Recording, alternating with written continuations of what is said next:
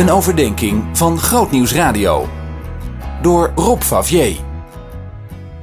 Het is bekend dat kinderen in hun eerste levensjaren indrukken opdoen die ze voor de rest van hun leven kunnen vormen.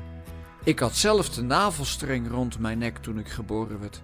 Dat is voor mij gelukkig goed afgelopen, maar het heeft wel tot gevolg gehad dat ik een uitgesproken hekel heb aan stropdassen. Maar nu even serieus. Ik ken veel verhalen van kinderen die geadopteerd zijn en later toch problemen kregen. Het gaat dan vaak over hechtingsproblematiek. En ik vraag me af hoe dat Mozes is vergaan. Je weet wel, Mozes uit de Bijbel. Die heeft ook best een rare jeugd gehad. Eerst werd hij na zijn geboorte drie maanden verborgen, dus zijn moeder heeft blijkbaar nooit even lekker met hem buiten kunnen wandelen. Vervolgens wordt hij te vondeling gelegd en uitgerekend de dochter van Farao ontdekt hem. En dan komt die ongelooflijk slimme zet van Mozes' zus, die aanbiedt om een Hebreeuwse vrouw te zoeken die hem borstvoeding kon geven. Tja, nutritia bestond toen nog niet, dus het moest allemaal op de naturel manier. En zo komt Mozes weer bij zijn moeder terecht en blijft daar totdat hij groot is geworden. Maar er staat nergens hoe oud hij toen was, waarschijnlijk een jaar of zeven. Dat hij dus wel van zijn afkomst wist, is duidelijk.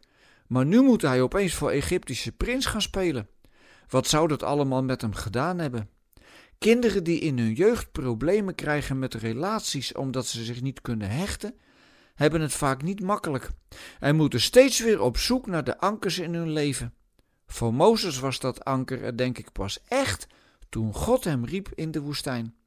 Hij had best een lastig leven, die vreemde jeugd en dan die Egyptische bewaker die hij had doodgeslagen, de vlucht naar Midian en daar dan schaapherder zijn zonder vooruitzichten. En als God hem roept, sputtert hij ook enorm tegen. Mozes was niet zo zelf ingenomen en vond zichzelf bepaald geen bink. Maar God komt hem aan alle kanten te hulp.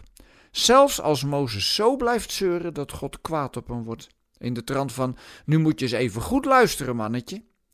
Als ik zie hoe Jezus met mensen omging, bood hij ook steeds de ankers om iemand te zijn aan aan iedereen. Vooral aan die mensen die misschien niet zo'n leuke jeugd hadden gehad. Jezus koppelt de basis van je zijn bijna los van de familiebanden en vervangt die door de band met God. Dat betekent dat iedereen, ongeacht wat je hebt meegemaakt in je leven, een fundament mag hebben. Je afkomst is niet bepalend voor wat je voor Gods koninkrijk kan betekenen. Als je je maar durft te laten dragen door zijn liefde. Daarom is er bij God ook geen aanzien des persoons. Of je nu van de minister bent, of van de bijstandsmoeder, of als baby bent weggegeven, ondanks de problematiek die dat voor jou persoonlijk kan meebrengen, maakt het voor God niet uit. Zien in nog een podcast? Luister naar Zorgen voor je ziel via grootnieuwsradio.nl/podcast.